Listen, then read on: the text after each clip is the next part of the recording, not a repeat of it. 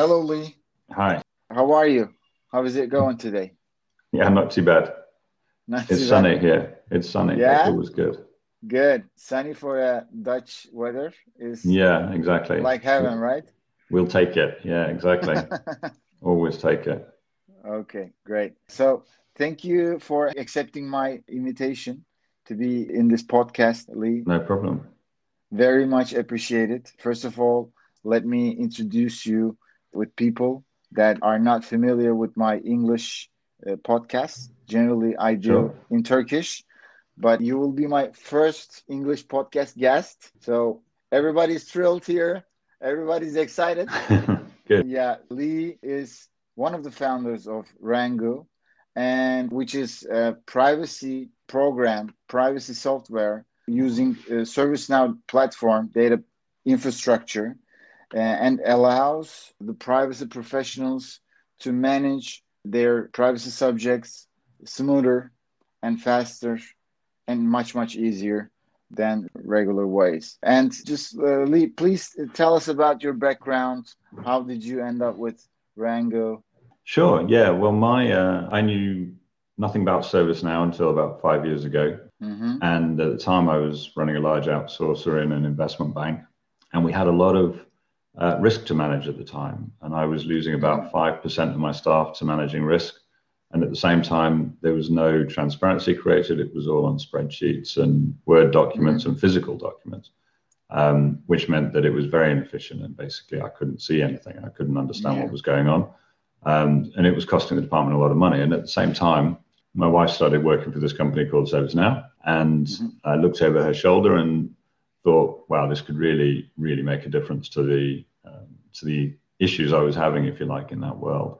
Um, so I decided to stop and uh, figure out a way to do business there and found my co-founders who were technical people. I'm commercial, and we put our heads Mhm. together and uh, and came up with a, a company which is Rangu, uh, which is intended to solve for for privacy and risk effectively using the ServiceNow platform.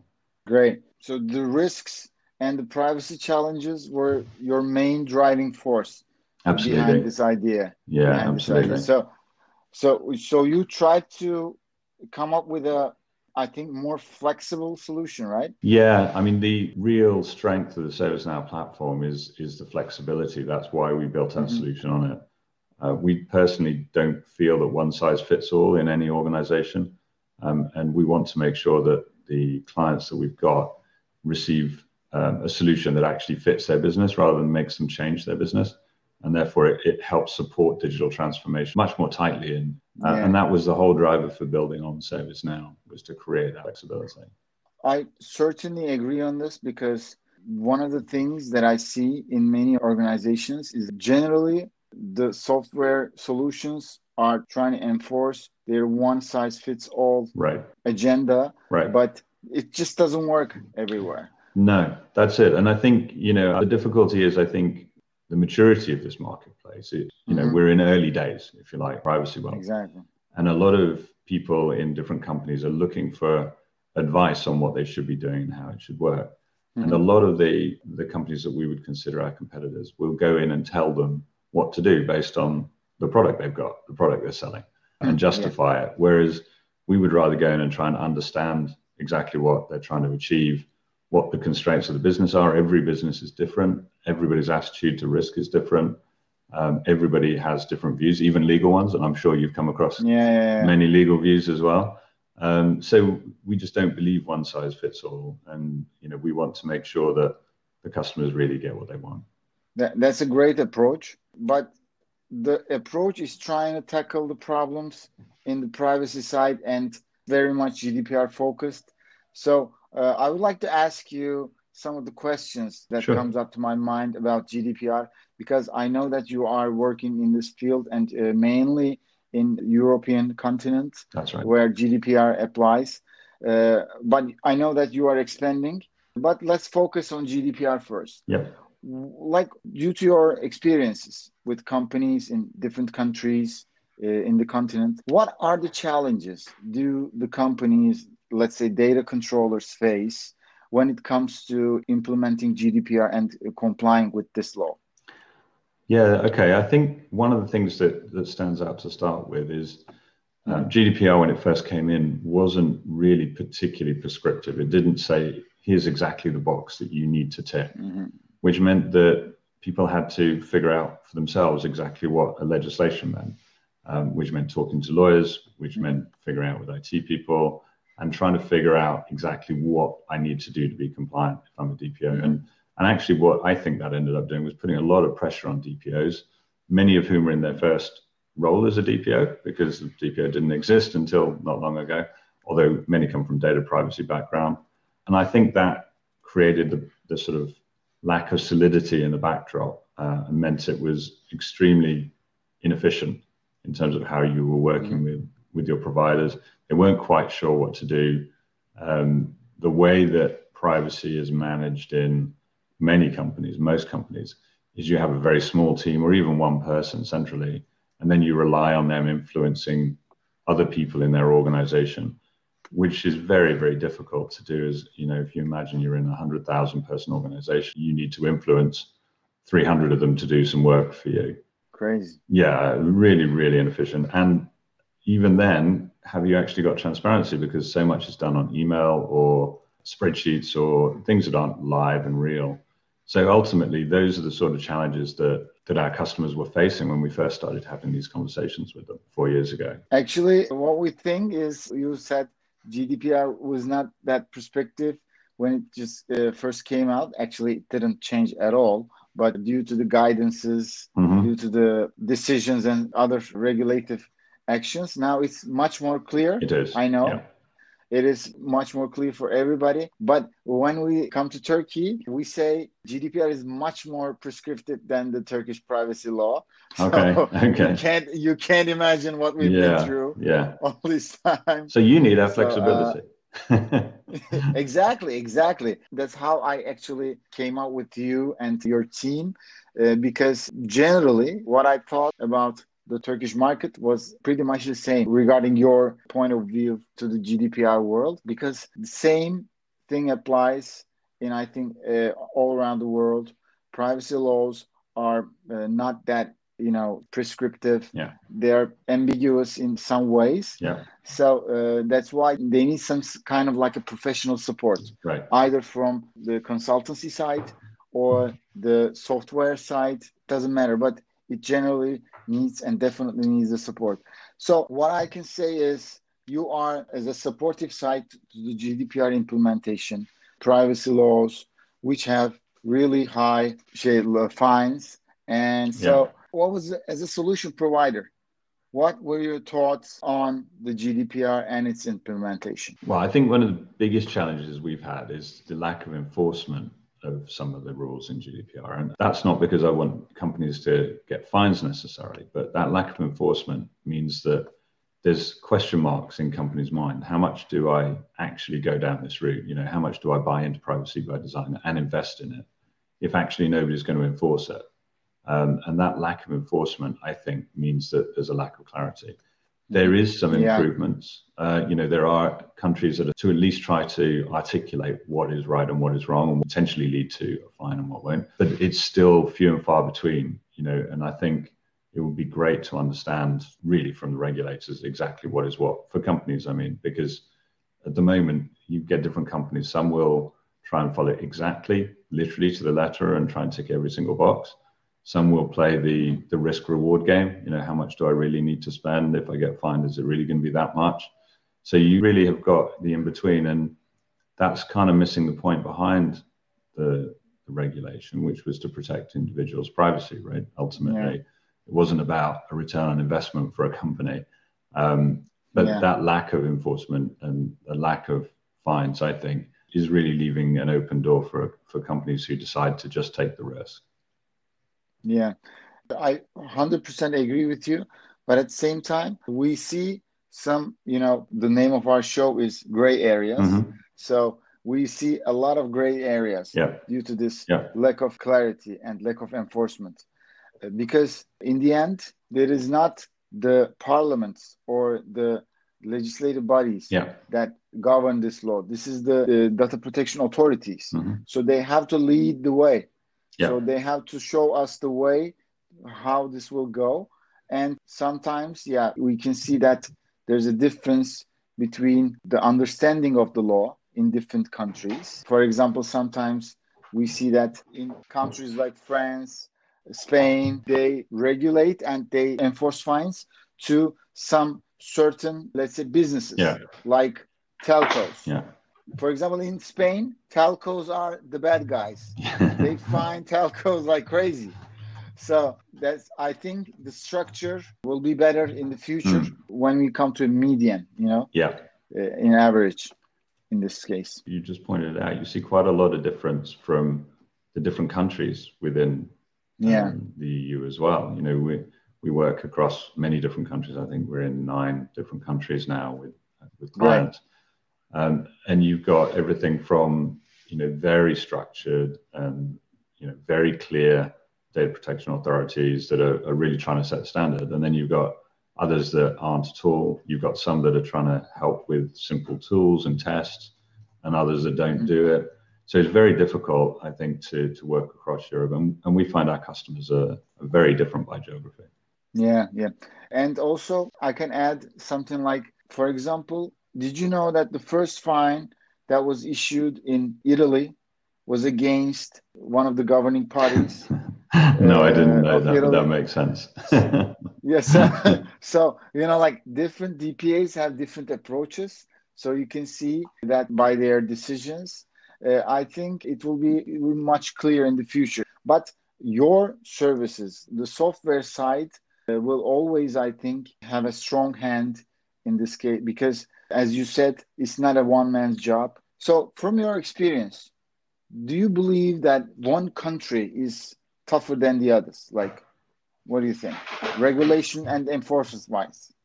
Um, well, no, really. I mean, I you know, go back to what I said earlier. That lack of enforcement is everywhere. Um, we do see very different behaviours, as I alluded to earlier. You know, in, in the Nordic countries, for example, they seem to be a lot more advanced in their approach to literally privacy by design. So taking the whole organisation on the journey, mm-hmm. um, and if you go sort of the further south you go, the less structured it becomes in that sense. Uh, the Nordic countries are definitely very advanced for us. Um, just behind that is sort of the Benelux region, and Germany's always had a very strong data protection law, but it's different from GDPR. So they're kind yeah. of learning. You know, we saw there um, a difference in Germany because the first thought was, well, you know, everything in GDPR we cover anyway, much more stringently, but actually when they got into it, there's some big gaps between the two, and uh, and that's been quite an mm-hmm. interesting journey. I think overall everybody's different, country by country. I think the the data protection authorities are behaving very differently as well as as you said. It does help though, a bit like normal law, and, and that's your background, but you know there's a law written down, and the more cases there are, and, and the more examples that are set, the more it clarifies the specific point of law. And I think we get that more and more across all countries at the moment, which is a good thing, but it's probably not fast enough. I don't yeah. think, I wouldn't say, you know, the Netherlands is a tougher country on it, or Ireland, or wherever, um, from our experience anyway. But we do see different behaviors based on those. So I put GDPR in the center because it's like a global influence now yeah. in terms of privacy. And I will go into another question. As a global influence, this GDPR influence, do you think that it will continue in the future? We will see other regulations that relate to GDPR or as a subject, data protection and privacy, spread on a wider scale. Uh, yeah, totally. I mean, it's amazing what GDPR has done because most of the privacy regulations in the world have, have used that as the basis for what they're doing. Um, LGPD is, is an obvious one recently. I'm sure you saw in Brazil, in Brazil. Um, where they they moved the uh, the Privacy Act into law very quickly overnight.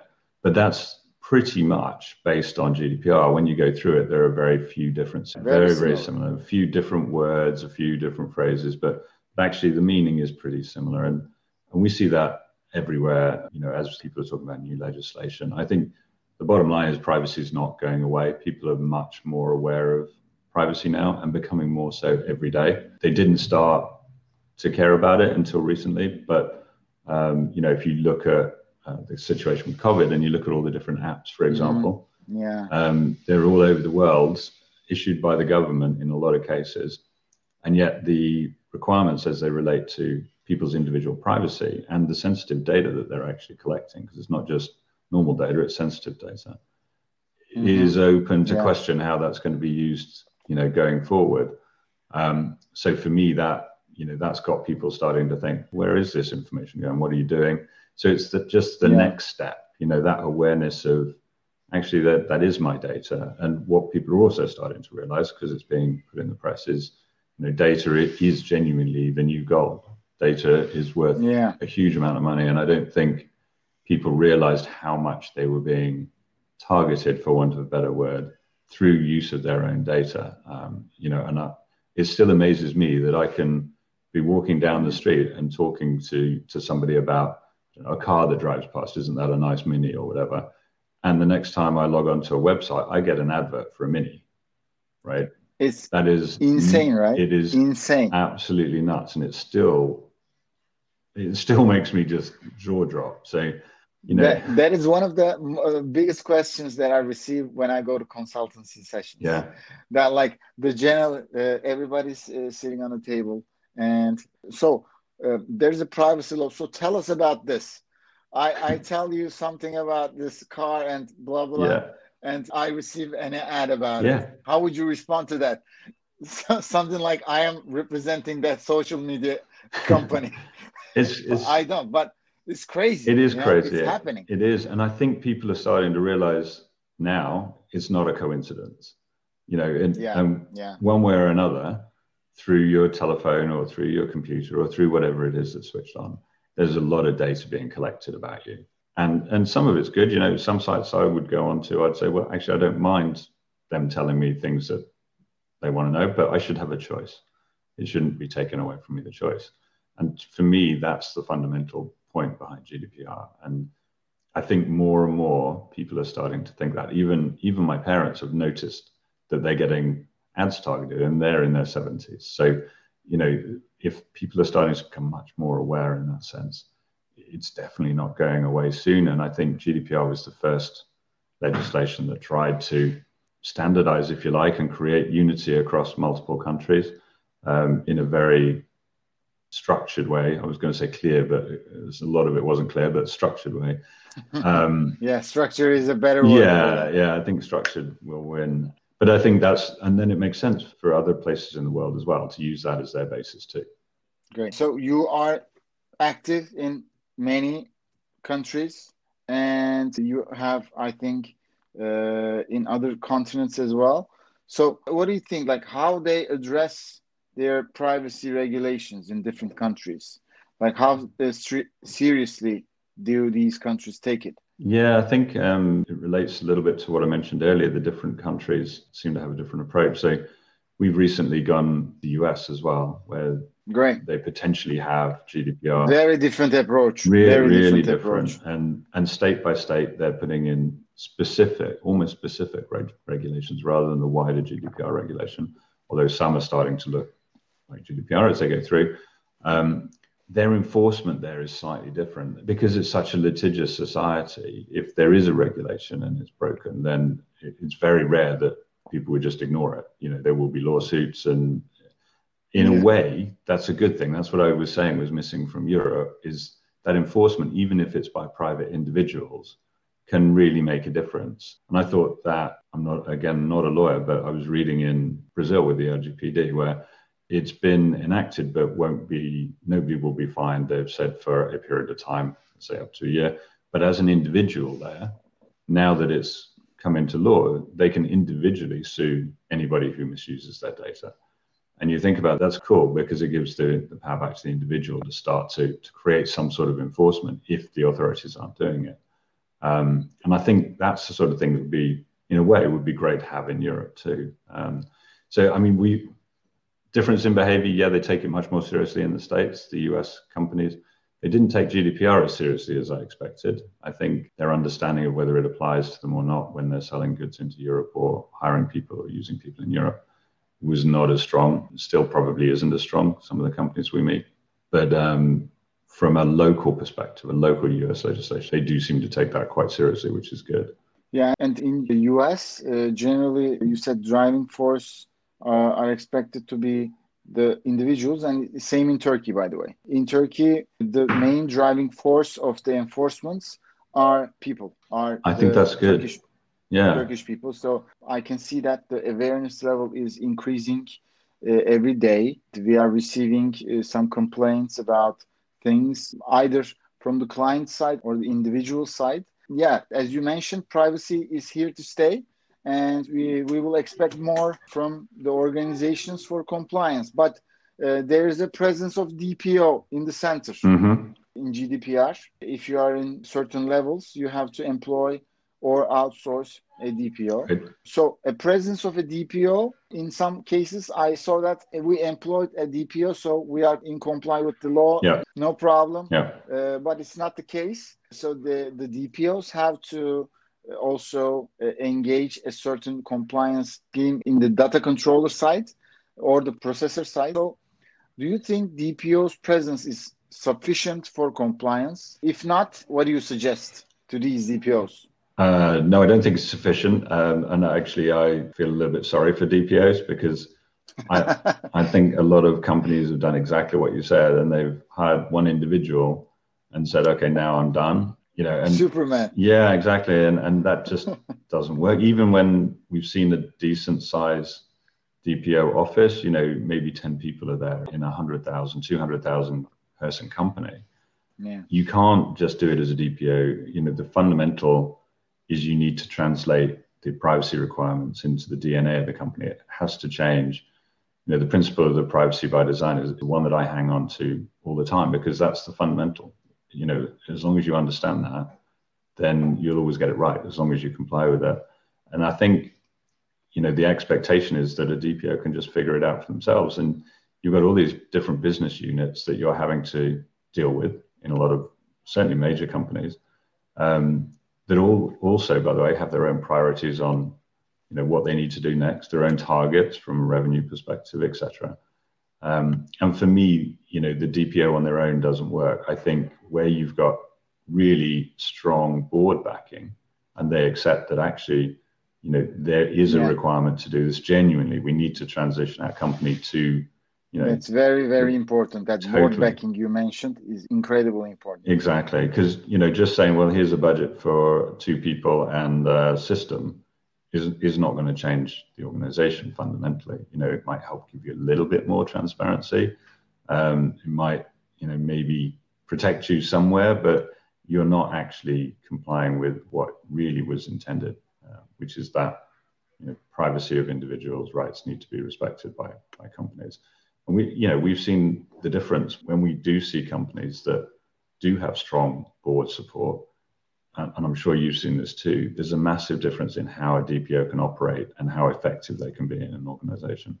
Where you don't get it, it's much more difficult, and you know, everything becomes a, a, a battle to try and uh, push through Yeah. what, what should be fundamental. Yeah, yeah, yeah. I certainly agree. Do you have any tips for that individuals or data controllers, processors on compliance? Like how, what should they follow? Uh, yeah, we, we've actually on our website. There's actually an ebook with top ten, but you know, one of the fundamentals is understanding where your data actually is in your organization. Um, Yeah, what it's being used for. Is it really required? Um, one of the biggest things we see is a lot of data being held that has no justification at all. yeah, yeah, yeah. Um, Data minimization, that's one- number one priority. sh- it should exactly, be. exactly. Um, I think there's an element of understanding about your third parties and how much you're using third parties Mhm. and whether you have the right agreements in place with them um, and actually whether you believe that they're behaving properly as well as just having the right agreements in place. I think the two things go together. Um, Yeah, so some of these things, you know, putting a DPO in place is good because you need to have the processes, right, uh, and understand what what needs to be done. For me, you know, if and if you read our top ten tips ebook, it'll all look fairly simple. It actually, you know, you read through it and it, it's not rocket science. It, it's pretty much Yeah. common sense. Um, and just going through it one step at a time is the main thing. But the biggest thing we see and the biggest tip that I would give to, to any company is understanding where your data is, understanding where it should be, where you have the right to actually hold that data so that you actually have some semblance of control over what's going on within the business. Because if you haven't got that, it doesn't really matter about the rest of it. Having a data processing agreement with a third party is great, but if you've got data all over the place that's being leaked out to somebody you haven't got an agreement with, then that one agreement doesn't help. I definitely agree. Just follow the data lifecycle, right? Exactly. Where does it come from? Uh, how should we manage it? Yeah. And when should we delete it or erase it? Exactly. Whatever. Exactly. Uh, according to its needs. And so Rangu actually helps to achieve that goal, right?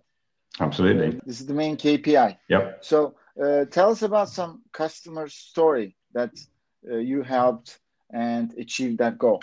Sure. Uh, one of the ones that, that we like to talk about because it, it actually solves for the, some of the problems we talked about earlier is, is a company called Rema in the Nordics, Norway, a retail company, having a lot of DSRs coming in, as you might imagine from mm-hmm. retailer. Um, and they estimated roughly that it was taking about eight hours per DSR in terms of work time, obviously not response time. But if you start multiplying that up by a lot of DSRs, you get to a, a huge requirement uh, on the business. Uh, just wait a second here, because uh, for the listeners who are not familiar with the GDPR terminology, yeah, sorry. I would like to say that DSR is data subject rights, yeah. Uh, which is the rights given in the GDPR, which is pretty much similar uh, with the Turkish law. So mm-hmm. please continue now. Okay, yeah, sorry. You, so, you know, they effectively looked at it and said there's got to be a better way. We sold to them through uh, our partner in the Nordics, a company called Sopra Steria.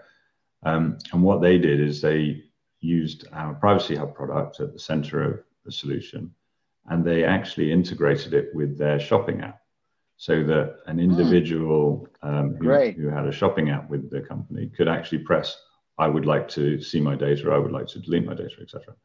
And they automated the process right the way through to the back end. So from that request to the back end, and you receive your DSR literally within seconds on your phone, on the app, uh, which gets you around the right. authentication. And they reckon it saved them over eight hours per DSR because it became instant and touchless. Um, mm-hmm. And you know that equated to over two hundred and fifty thousand dollars a quarter. So you know going back to what we said was some of the challenges that we set out to to try and solve way back at the beginning. You know, the transparency, providing transparency of their data to those individuals is really important.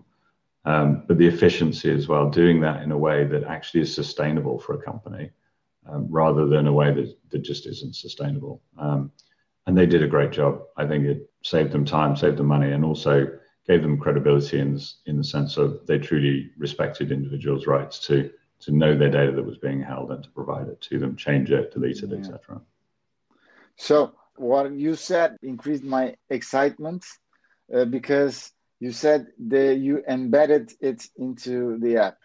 Yeah. Is that correct? Yeah, effectively, we we became part perfect. of the chain. Yeah, exactly. Yeah, perfect. Because that's really one of the challenges. Generally, these kind of services try to solve the problem individually. Yeah, they don't become part of the exactly system. Yeah. So they're not modular. So I think Rangu is uh, advanced technique wise. It's ad- advanced uh, among its competitors. Now it's, it's a great pleasure to have this podcast with you. Do you have any questions for us and for the Turkish listeners? Yeah, I get a, a key one. You know, we've partnered with you, Barak, uh, to, yeah to try and bring privacy management solutions to, to Turkey. What are the expected, what are the experiences and the expectations of the Turkish market, do you think, for as it relates to privacy solutions?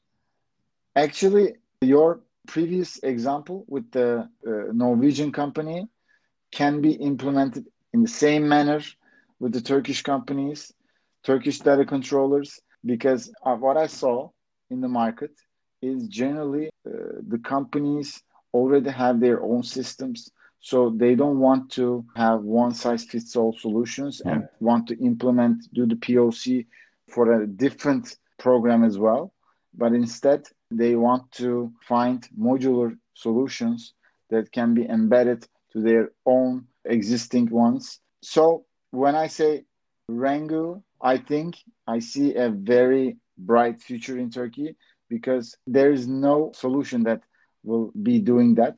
And also at the same time, uh, we will try to employ our experience in the market to Rangu's solutions. So uh, I think that will be a really good fit.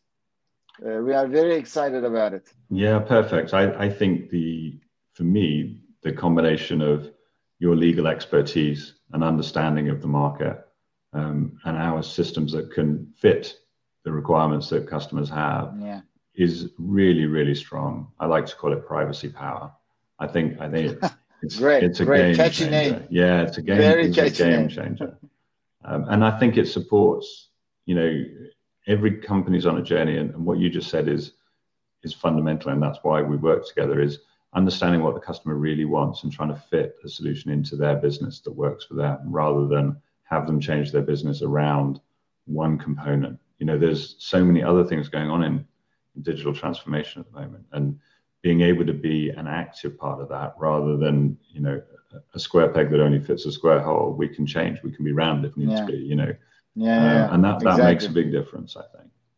Exactly. And also this is the same mentality that we employ in uh, OD privacy. We are very much client first right. consultancy company. So uh, we don't try to enforce some certain way of consultancy, but instead we try to understand uh, the client's needs and that's how we cater uh, like a let's say bespoke yeah. Uh, solution to that. And I think uh, Rangu will fit perfectly into this bespoke attitude let's see how it goes. Yeah, looking forward to it. Yeah. Thank you for having actually sharing your uh, insights about uh, your expertise and uh, accepting our uh, offer to be in this podcast. No problem. A pleasure. It was a pleasure to have you here. Hoping to do it again. Uh, Anytime. thank you very much. Thank you, Marek. Appreciate it. Have a great one. Thank you.